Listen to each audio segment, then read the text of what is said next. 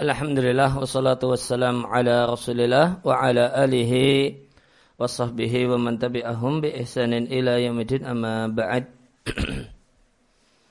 Kaum muslimin dan muslimah peserta kajian Jumat pagi Musola Al-Ikhlas Sendawa rahimani wa rahimakumullah. Kembali kita lanjutkan membaca buku Fikhutab uh, Tarbiyatil Abna karya Syekh Mustafa Al-Adawi hafizallahu taala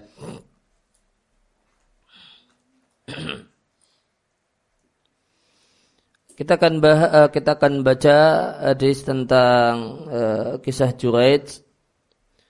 Akhrajahu al-Imam Muslim diatkan oleh Imam Muslim dalam sahihnya dari Abu Hurairah radhiallahu anhu dari Nabi sallallahu alaihi wasallam. Nabi bersabda lam yatakallam fil mahdi. Tidaklah berbicara ketika masa kecil Mahdi makna asalnya adalah uh, hamparan yang dipakai untuk istirahat atau untuk tidur. Maka tidaklah berbicara fil Mahdi di masa kecil ila salah satu kecuali tiga jenis manusia atau tiga orang yaitu Isa putra Maryam kemudian wasahibu Jurejin dan seorang bayi yang ada dalam kisah Juraid. Kemudian Nabi Shallallahu Alaihi Wasallam menceritakan tentang kisah Juraid. Adalah Juraid seorang abid dan ahli ibadah. Fatakhoda dan dia memiliki sauma'atan semacam langgar atau musola yaitu tempat khusus untuk beribadah. Fakana fiha dan adalah Juret itu berada di dalam tempat ibadahnya. Lalu satu ketika Fa'atathu datanglah kepada Juret ummuhu ibunya. Wa yusalli dan dia ketika itu sedang mengerjakan salat. Faqalat lalu ibunya memanggilnya dengan mengatakan, Hei Juret, maka Juret pun bingung. Di dalam hati dia mengatakan, Wahai Rabku, panggilan ibuku, ataukah ku teruskan salatku. Akhirnya Juret akbala ya, memilih untuk memperhatikan ala salatihi salatnya dan tidak memperhatikan panggilan ibunya. Ya, padahal salatnya salat sunnah, sedangkan panggilan ibunya statusnya ya, adalah satu hal yang wajib untuk didatangi. Fangsorofat maka pulanglah ibunya. Falam makana minal ghadi maka esok harinya ibunya kembali datang dan juret ketika itu juga sedang mengerjakan sholat. Fakolat ibunya mengatakan, Hei juret. Juret pun kembali bingung dan mengatakan, ya, wahai Rabbku, aku pilih panggilan ibuku ataukah salatku. Lalu Juret pun memilih untuk akbala perhatian terhadap salatnya dan pulanglah ibunya.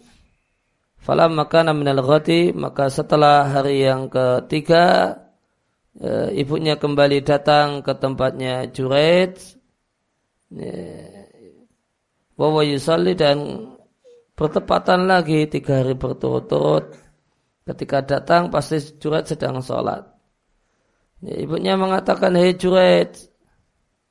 Fakal kembali Juret pun bimbang. Ayya Rabbi ummi wa sholati. Wawu bimakna au. Wahai Rabbku, ibuku ataukah sholatku. Ya, salah satu makna wawu terkadang adalah au. Namun ternyata Juret kembali memilih untuk peduli dan perhatian dengan sholatnya. Akhirnya ya, akhirnya ibunya Juret kemudian mendoakan doa yang jelek untuk anaknya. Doanya adalah Allahumma la tumithu hatta yara ila wujuhil mumisat. Ya Allah janganlah engkau wafatkan Juret sampai dia melihat wajah wajah para pelacur. catatan kaki mumisat hunna azawani pelaku zina. Fatadzaka banu Israel maka Bani Israel memperbincangkan jurai dan ibadahnya. Dan ketika itu ada imra'atun bariyun, ada seorang wanita pelacur yang dia yutamatsalu bihusniha. Yutamassal artinya yutrab bihusniha al-mathalu. Kecantikannya itu jadikan sebagai standar. Maka kalau ada orang mau muji seorang wanita, maka akan dikatakan dia secantik fulana. Dia secantik fulana. Namun fulana itu seorang pelacur.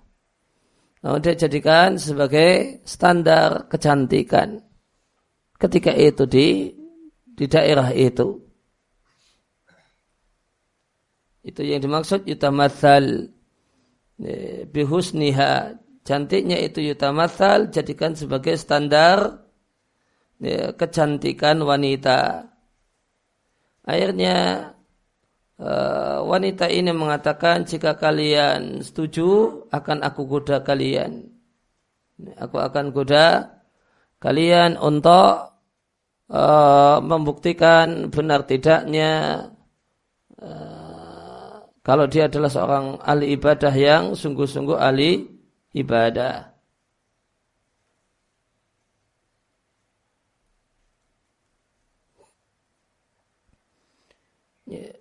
Kal akhirnya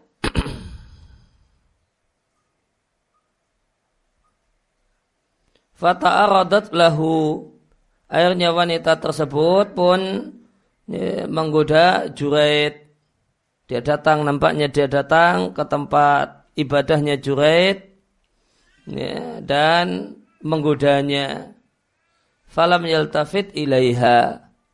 Dan meskipun terdapat datang wanita menggoda, ya, Juraid tidaklah menoleh badannya, artinya tidak peduli.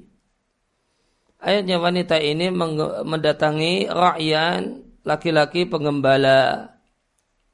Karena ya'wi ila sauma'ati eh, sauma'atihi yang pengembala ini ya, sering berteduh di musolanya Juraid fa'am kanathu min nafsiha maka dia mempersilahkan si laki-laki pengembala itu min nafsiha untuk menyetubuhi dirinya.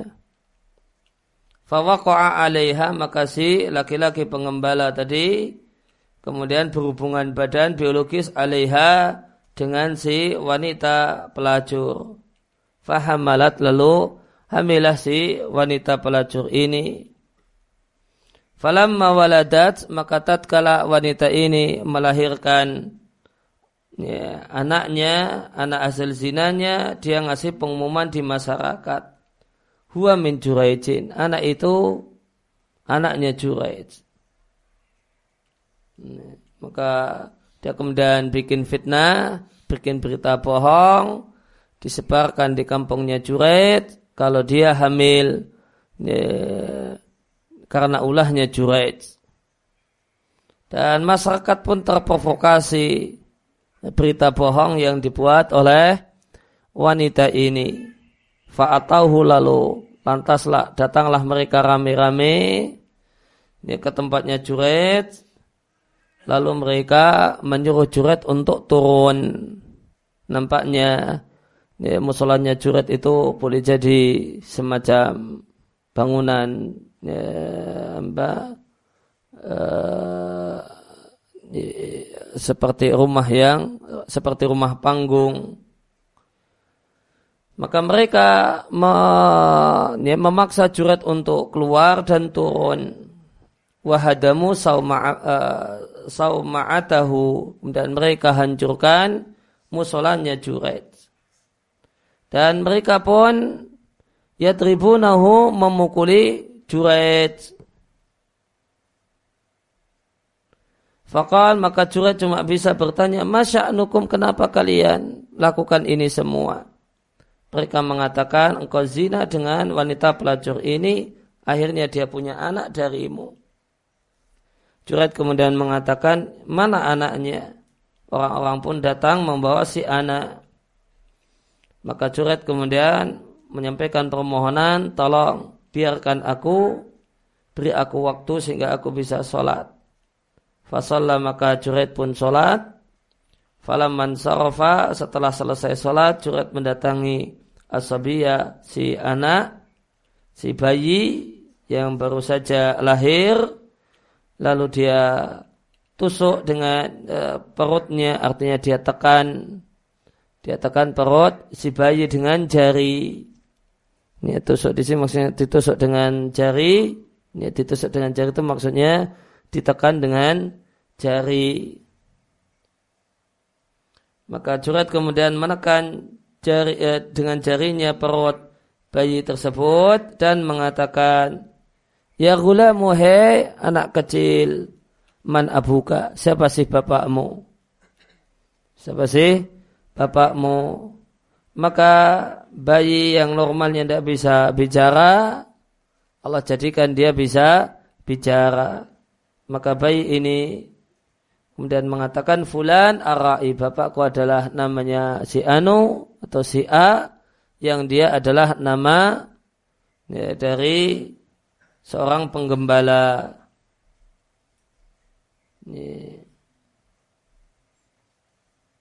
Kal fa'akbalu ala jurejin. Maka masyarakat penlantas menyadari kesalahan tindakan mereka. Akhirnya mereka akbalu maka mereka ya, mendatangi juret kemudian menciumi juret dan mengusap-usap juret tadi nggak apa-apa kan dipukuli ya, cuma dikit ya gitu kan akhirnya mereka pun karena menyesali tindakannya yang terprovokasi berita bohong Kemudian mereka mengatakan akan kami bangunkan untukmu langgarmu dari emas sebagai bukti penyesalan kami. Kal namun Jurat menolak hal tersebut. Jurat mengatakan lah tidak perlu kembalikan dia mintinin dari dari batu dari tanah kama kanat sebagaimana sebelumnya Fafa'alu lalu mereka pun melakukan dan mewujudkan permintaan Juraid. Ya, maka ini menunjukkan uh, kenapa kisah Juraid dibawakan di sini menunjukkan tentang bahasanya di antara hal yang patut ditanamkan kepada anak adalah tentang keutamaan berbakti dengan orang tua dan bahaya durhaka dengan orang tua ya, di antara dampak ya, tindakan yang tidak menyenangkan orang tua, menyakitkan hati orang tua, dampak buruknya contohnya kita jumpai pada kisah Juret, yaitu mendapatkan doa jelek ya, ibu, doa jelek orang tua. Dan di sini kita jumpai dampak kemudian orang yang rajin beribadah namun ya, kurang ya, modal ilmunya kurang baik ya, maka akan menyebabkan salahnya prioritas. Ya, merespon jawaban ibu hukumnya wajib ya, melaksanakan dan meneruskan sholat sunnah hukumnya sunnah. Ya, maka orang yang berilmu akan ya, akan bisa memberikan memilih prioritas yang benar prioritas yang benar adalah mendatangi mendatangi panggilan ibu. Itu prioritas yang benar daripada sholat sunnah. Namun di sini Jurat melakukan kekeliruan dikarenakan dia adalah abidun laisa bifakihin karena dia ahli ibadah yang kurang mapan ilmunya. Dan di sini kita jumpai kalau kita sedang sholat sunnah dan dapatkan panggilan ibu, maka kalahkan sholat sunnah. Dan di sini memberikan pelajaran bahasanya boleh dibolehkan membatalkan sholat sunnah karena satu kebutuhan. Dan di antara kebutuhan tersebut adalah kebutuhan untuk memenuhi panggilan orang tua, terutama ibu. Kemudian di sini kita jumpai bahasanya di antara kejelekan, di antara keburukan adalah melihat wajah pelacur. Melihat wajah pelacur itu di antara keburukan dan kejelekan. Oleh karena itu doa jeleknya ya, doa jelek ibunya Juret, ya Allah jangan engkau wafatkan Juret sampai pernah melihat wajah pelacur. Ya, cukup melihat wajah pelacur. Itu sebuah kejelekan. Ya, tidak sampai harus tergoda dengan pelacur ya, cukup lihat gambar pelacur, ya, melihat fotonya, itu sudah kejelekan, itu sudah musibah. Ya, itu musibahnya juret, ya. melihat wajah pelacur, itu sudah jadi musibah. Satu keadaan yang bertolak belakang 180 derajat dengan keadaan di zaman ini. Ya di mana banyak orang sholah yang ya, boleh jadi melihat ya, wajah-wajah pelacur yang pelacur tersebut berkedok dengan berbagai macam kedok boleh jadi penyanyi dangdut boleh jadi ya, artis boleh jadi yang lain. Ya, yang gambarnya tersebar di mana-mana di internet di YouTube di ini. Ya, dan dan lebih tragisnya ya, banyak orang yang melihat wajah-wajah pelacur tadi tidak merasa kalau dapat musibah tidak merasa mendapatkan musibah. Padahal itu musibah orang saleh. Ya, itu musibah orang saleh. Di antara musibah orang saleh itu adalah melihat wajah pelacur. Melihat menatap wajah pelacur lewat di berandanya wajah pelacur itu sudah ya, sudah musibah bagi orang saleh. Orang saleh seperti ya, juret itu musibahnya adalah dengan melihat wajah pelacur. Apalagi kalau lebih dari itu, ya, apalagi hal-hal yang lebih dari itu, tentu itu musibah yang lebih besar lagi. Bukan hanya melihat wajah pelacur, namun malah ya, ngobrol dengannya atau malah mendapatkan godaannya ataukah kemudian malah mendengarkan suaranya, godaannya, maka itu lebih jelek. Cuma melihat wajah pelacur sekilas saja itu sudah musibah. Itu sudah musibah. Itu sudah jadi doa jelek di masa silam. Nah.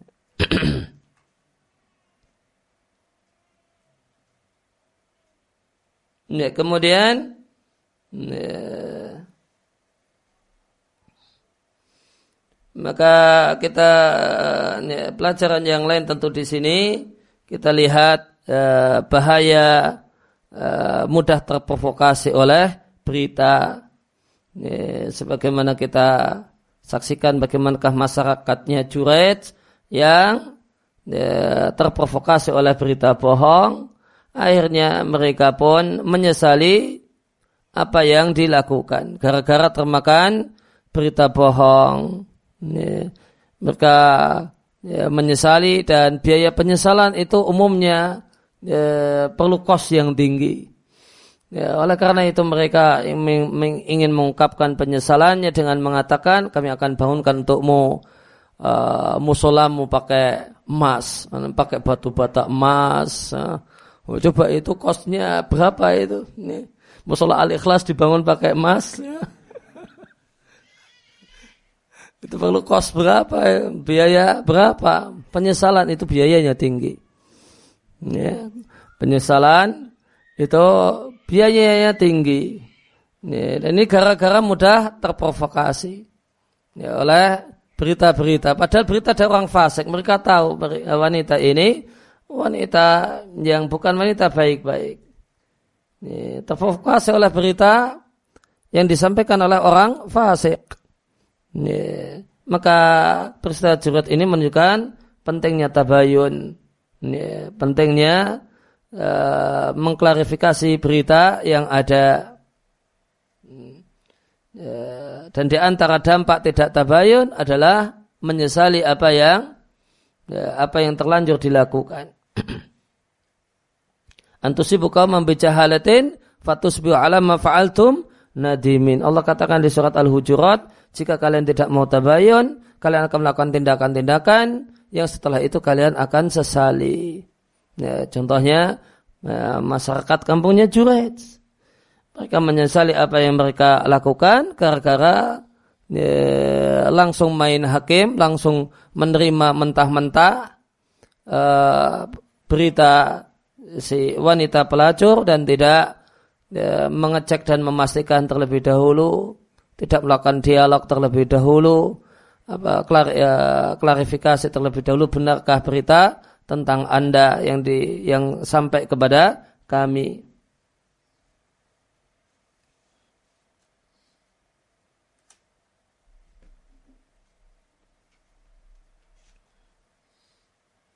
Kemudian kita lihat uh, bahasanya sejak masa silam kita jumpai bahasanya kita jumpai di sini ada wanita yang demikian cantiknya namun demikian rusak moralnya. Maka itulah keadaan banyak wanita cantik dari sejak masa silam. Yang dia maka terkumpul pada diri seorang wanita kecantikan ditambah rasa malu dan akhlak mulia yang tinggi itu satu hal yang ya, tidak mudah. Ya, umumnya ya, wanita yang cantik dia pingin atau yang terlalu cantik dia pingin orang mengagumi kecantikannya dan itu berdampak dengan rusak dan bejatnya perbuatannya ya, itu maka terkumpulnya dua hal ini ya satu hal yang mungkin. Orangnya agamanya masa Allah namun cantiknya masa Allah itu satu hal yang mungkin namun satu hal yang tidak mudah untuk ditemui. Lihat uh, kita lihat di sini. Ini bukan hanya wanita cantik. Yudrob lahum mathal fil husniha. Jadi standar kecantikan Ya, jadi standar kecantikan. Untuk muji orang yang cantik, maka standarnya pakai wajah dia. Ya, dia secantik fulana. Nah, namun ya, bejatnya kelakuannya. Ya, kemudian kembali ke buku. Wadakirhum demikian juga menjadi kewajiban dan tanggung jawab orang tua. Ingatkanlah anak. Ya, nasihatilah anak, tanamkan dalam jiwa anak keutamaan berbakti kepada orang tua. Wal intifa bidzalika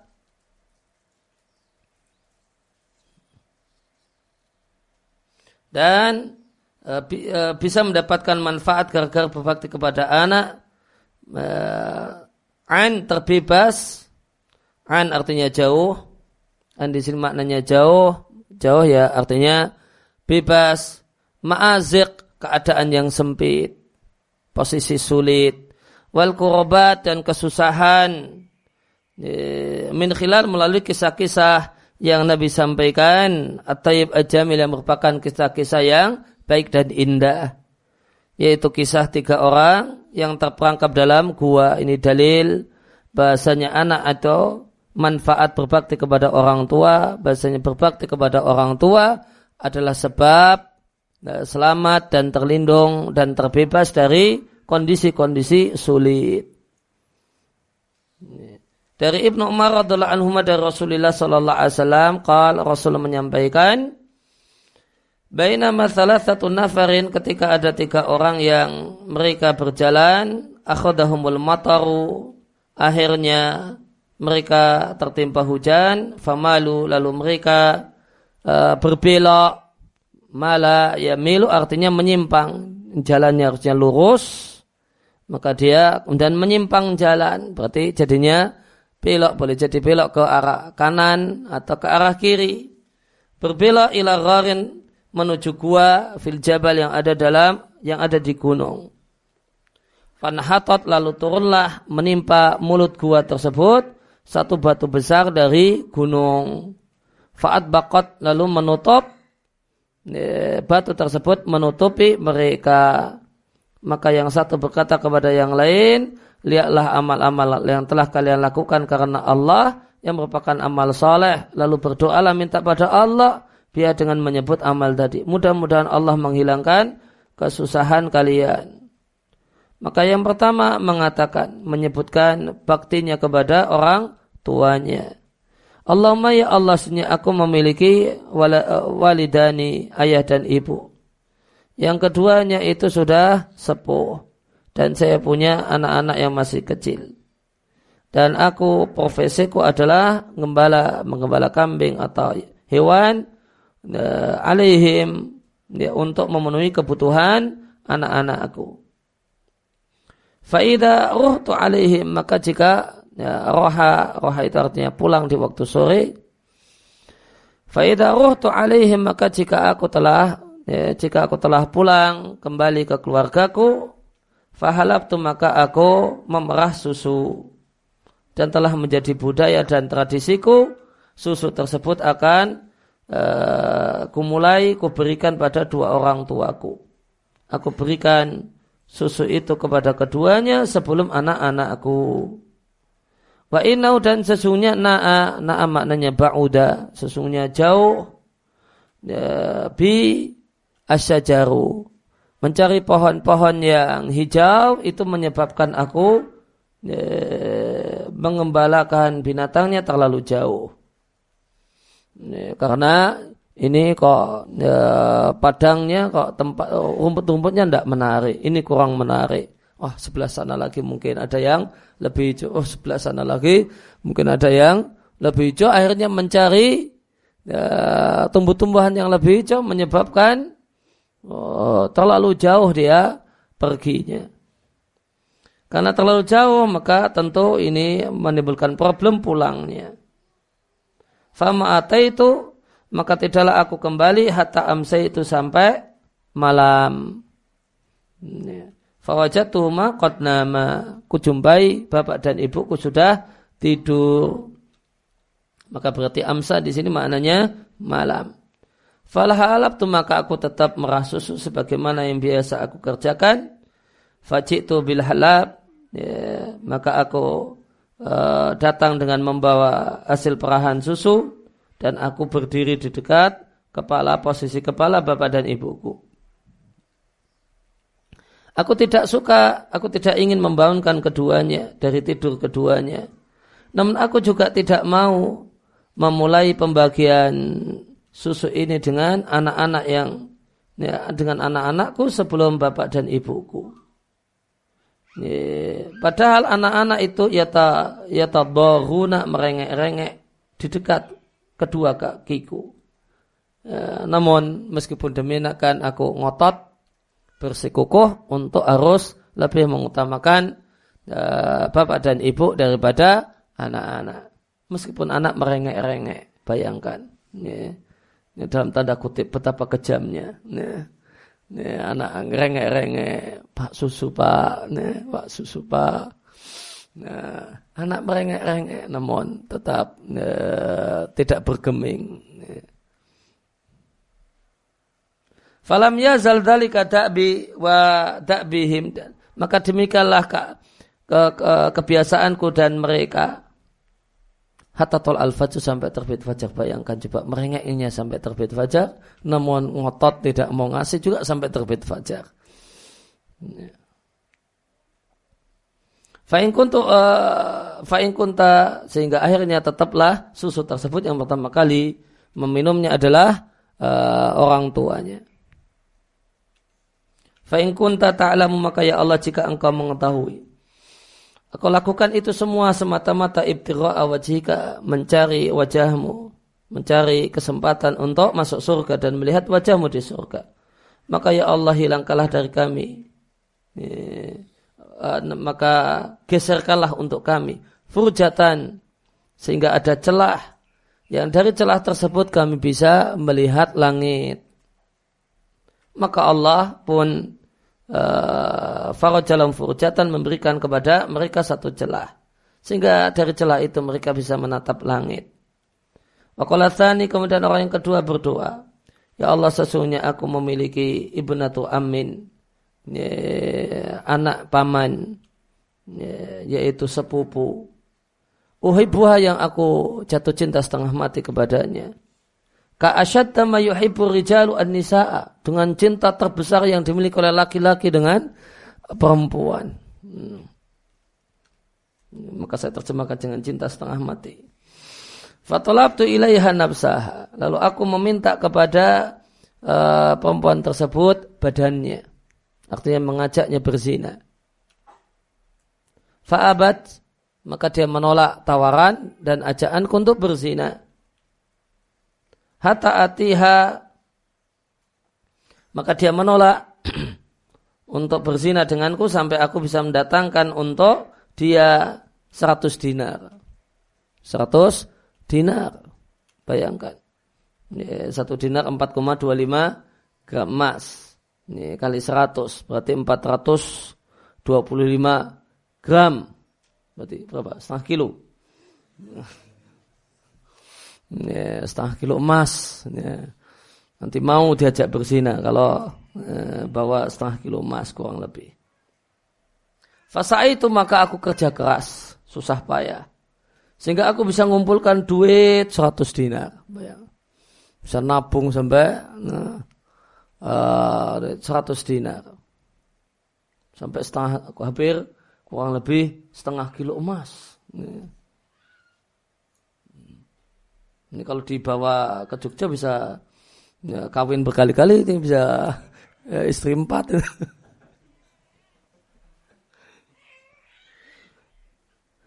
ya falaki tuha biha maka ku jumpai wanita tersebut biha dengan membawa emas sebanyak setengah kilo tadi. Falam maqa'atu baina rijlaiha maka tatkala aku telah duduk di antara dua kakinya hampir saja berzina maka terucaplah dari lisannya wahai hamba Allah ya takutlah kepada Allah. Janganlah engkau membuka cincin kecuali dengan haknya. Ini. dan yang dimaksud dengan cincin ini adalah kegadisan keperawanannya. Kecuali dengan haknya yaitu dengan cara yang halal. Ya, akhirnya mendengar nama Allah langsung kemudian hilang sahwatnya dan ini tentu manusia yang dari satu sisi luar biasa juga. Ini kerjanya juga luar biasa, cintanya luar biasa, nah, ini kerjanya luar biasa, namun juga eh, hatinya luar biasa. Disebut nama Allah, langsung hilang birahinya. Langsung hilang sahwatnya. Takutlah kepada Allah. Ya, itu yang menyebabkan hilang nafsunya.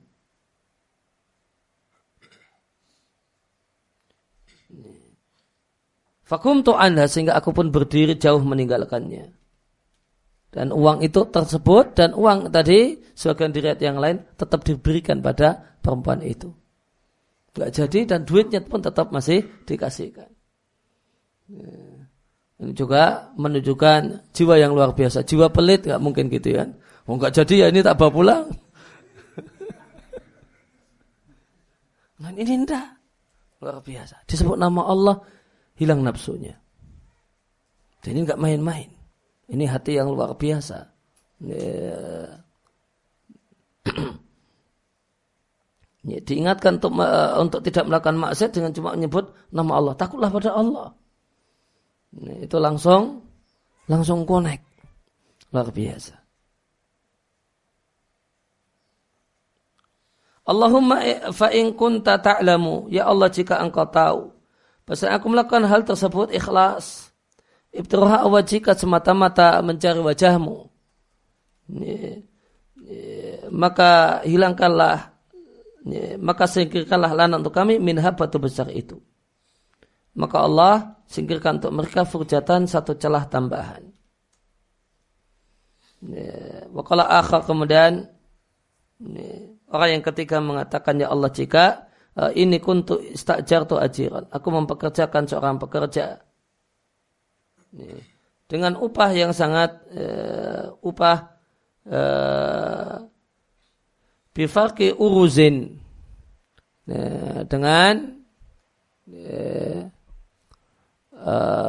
uruzin berarti beras urus uh, ruz uruzin dan ruz sama beras dan itu cuma uh, sekantong beras kurang lebih satu bak uh, apa ya, satu wadah Farkin itu wadah ya terbuat dari ya, anyaman eh, apa, eh, terbuat dari anyaman pelepah eh, pelepah kurma. Pelepah kurma dianyam sedemikian rupa jadi apa namanya? Ini kurang lebih apa? Keranjang. Nah, ini udah jadi keranjang, kerja di situ upahnya segitu. Uh, upahnya beras atau gabah sepenuh itu. Dengan upah kurang lebih satu keranjang beras. Falam makoto amalu ketika dia telah menyelesaikan pekerjaannya.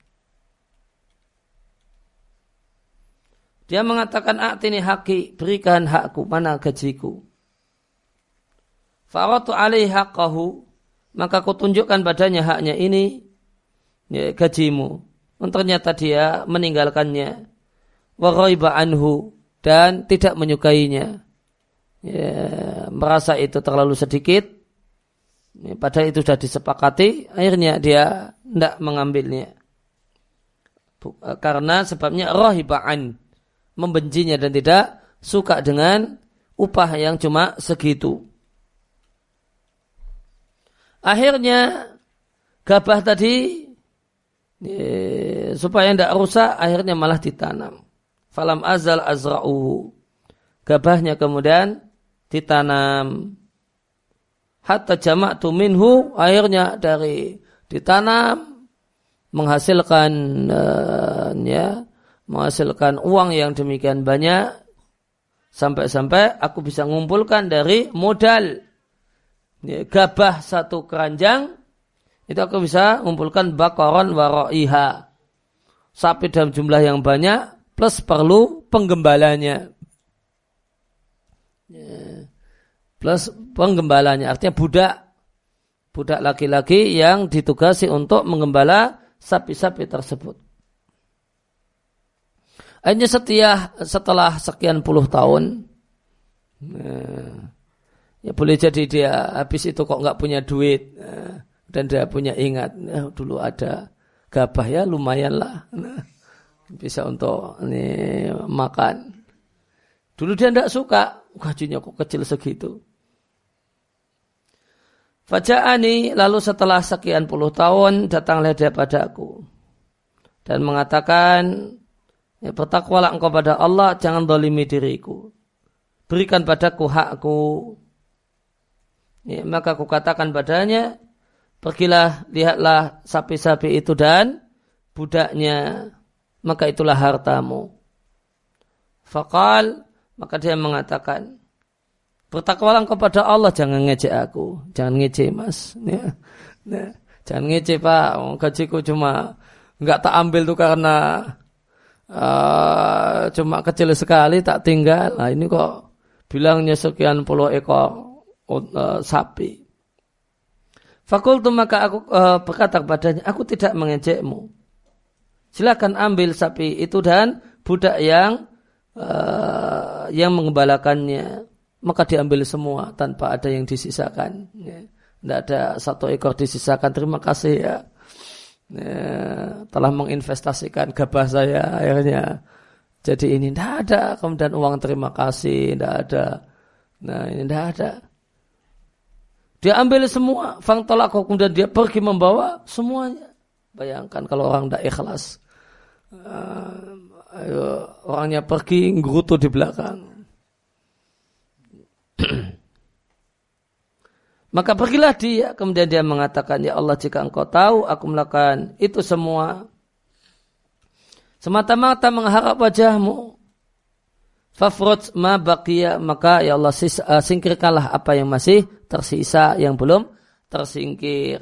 Maka Allah pun ya, menghilangkan kesusahan dari mereka. Allah geser ya, Allah geser batu tersebut sehingga mereka bisa keluar. Ya.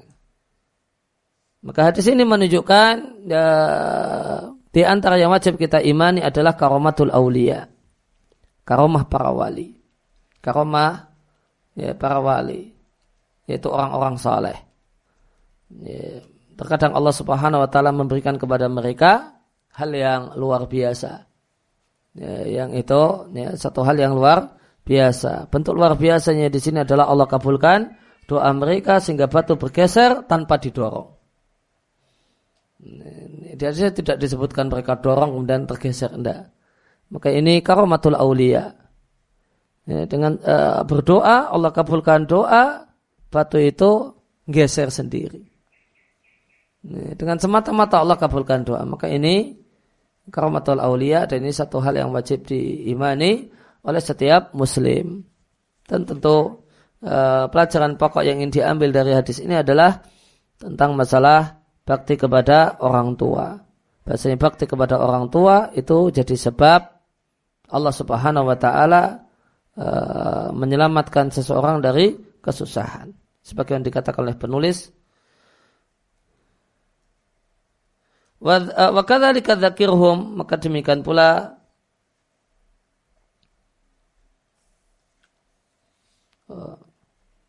ini uh, maka sebagaimana tadi telah kita baca ini di sini dalil intifa bidzalika orang anak itu bisa mendapatkan manfaat dari baktinya kepada orang tuanya untuk selamat dari kondisi-kondisi sempit dan kondisi-kondisi sulit.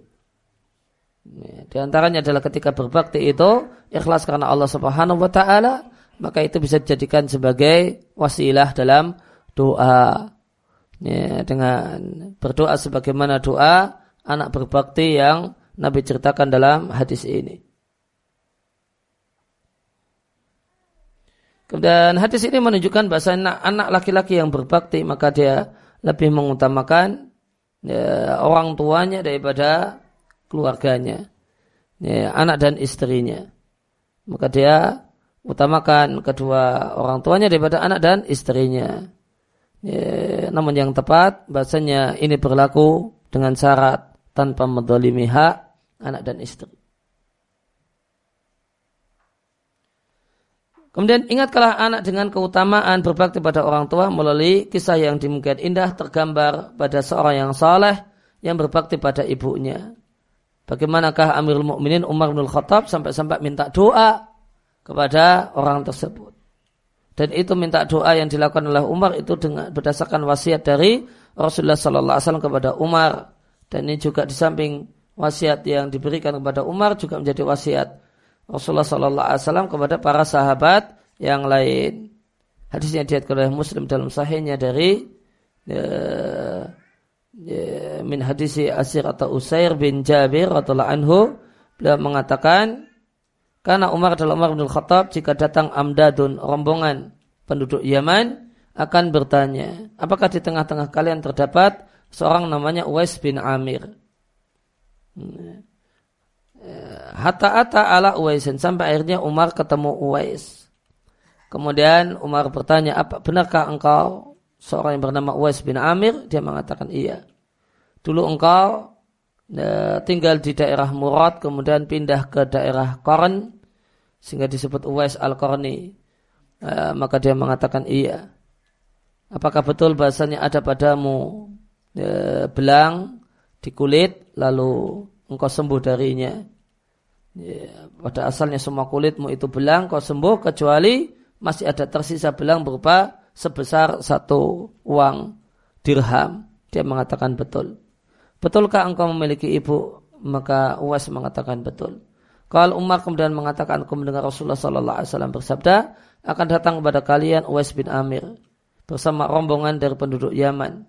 Min Muradin dia dulunya tinggal di kampung Murad, kemudian tinggal di kampung Koran sehingga dia adalah Uwais Al-Qarni yaitu Uwais dari kampung Koran. Karena bihi baras dulu seluruh sekujur tubuhnya itu terdapat belang maka Allah sembuhkan darinya kecuali uh, wilayah atau daerah di badan seukuran uang satu dirham. Dia memiliki seorang ibu. Huwa biha baron. Dia adalah seorang anak yang sangat berbakti dengan ibunya. Lau aqsama ala Allahi la abarahu. Seandainya dia doa minta pada Allah dengan sungguh-sungguh, la abaroni saya Allah akan kabulkan doanya. Oleh karena itu engkau wahai Umar, jika engkau mampu agar eh, dia mendoakan eh, untukmu agar engkau mendapatkan ampunan, maka lakukanlah. Kemudian Umar mengatakan, tolong doakan aku. Eh, agar Allah mengampuni dosa-dosanya Umar. Maka Uwais pun mendoakan Umar. Faqalalah Umar kemudian Umar yang ketika itu jadi khalifah mengatakan, ke mana engkau mau pergi? Uwais mengatakan saya mau pergi ke Kufah. Kemudian eh, Umar mengasih tawaran, ala aktubulaka, maukah kutuliskan memo untukmu? Ya, maukah eh, tuliskan memo ya, bahasa kantornya pak disposisi ya, ya maka ya, aku tuliskan memo untukmu surat kata belece ya, untukmu ila amiliha kepada gubernur Kufah kau serahkan engkau tinggal minta fasilitas apa ya, tinggal ngomong saja ya, isi memonya penuhi apa yang diminta oleh orang ini ya. maka tinggal kasihkan gubernur Kufah bawa suratnya Umar nanti minta mau fasilitas apa akan disiapkan. Ya. Namun lihat, uh, namun uh, kalau kita mungkin ya, ya semangat untuk nerima memo, ya. namun lain halnya dengan uh, dengan Uwais, dia betul orang-orang yang saleh, dia betul termasuk orang yang saleh. Dia mengatakan, seandainya aku firubaro inas, ya, fi hubaro inas itu ahabu ilayya. Aku menjadi orang yang tidak dikenal. Itu yang lebih aku sukai. Enggak ada aku pergi ke Kufah dan tidak ada orang yang kenal aku. Nah itu yang lebih aku sukai. Ya, uh, fala makana minal amil mukbil kemudian di tahun depan hajar rajulun min asrafihim. Maka berhajilah seorang dari asrafihim dari tokoh ya, kampungnya Uwais maka si tokoh ini wafak bertepatan ketemu dengan Umar. Kemudian Umar bertanya kepada sang tokoh An Uwais tentang kabarnya Uwais. Maka ya, kal bagaimanakah keadaannya?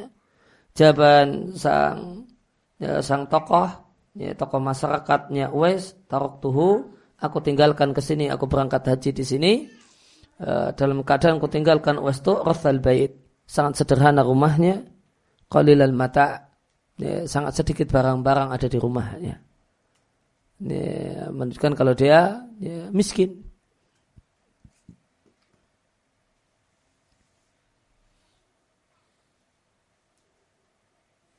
Kal kemudian Umar ngasih bocoran kepada si kepala ya, masyarakat ini atau si tokoh ini. Aku mendengar Rasulullah SAW bersabda tadi yang telah kita baca sama persis datang kepada kalian Uwais bin Amir bersama rombongan dari Yaman, tinggal di Murad kemudian pindah ke Koran dan seterusnya. Fa'ata Uwaisan akhirnya si uh, tokoh ini mendatangi Uwais dan mengatakan tolong doakan aku agar Allah mengampuni dosaku. Nah. Maka Uwais mengatakan engkau yang baru pulang haji yang harusnya mendoakan aku. Dibalik sama Uwais. Anta ada sa'ah dan bisa varian salihin fastaghfirli. Nah, ini bisa jadi dalil nih. Minta uh, doa orang-orang yang habis pulang haji. Anta ada sa'ahdin.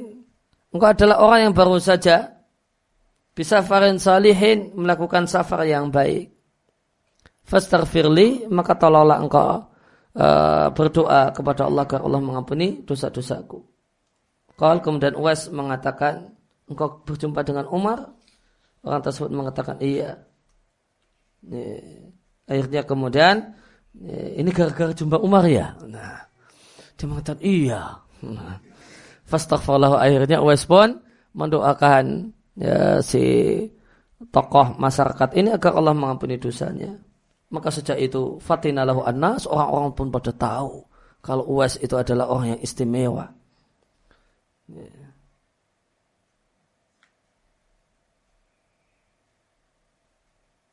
Ya. Fang tolak ke ala wajihihi. Ya. Maka pergilah Uwais. Kemudian pergilah Uwais. Eh, kemudian dia mengembara ala wajihihi. Maka dia mengembara dan berkelana. Dia tinggalkan kampungnya, mengembara dan berkelana. Pergi entah ke mana. Kala usair, wakasautuhu burdatan dan aku memberikan padanya pakaian burda satu satu uh, kain segi empat panjang. Fakana kullama ra'ahu insanun maka setiap kali ada orang yang melihat Uwais, kal Uwais mengatakan, Min aina li Uwaisin hadil burda. Dari mana Uwais punya kain bagus semacam ini?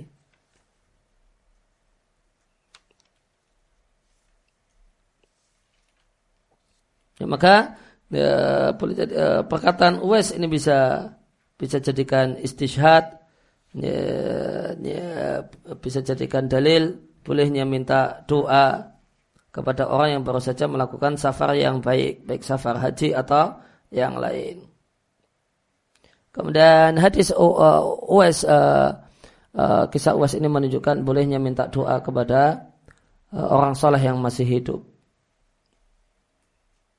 Ya, kemudian ya, dan uh, uh, di sini dalil bahasanya uh, di antara sebab orang itu mustajab doanya karena baktinya pada orang tuanya.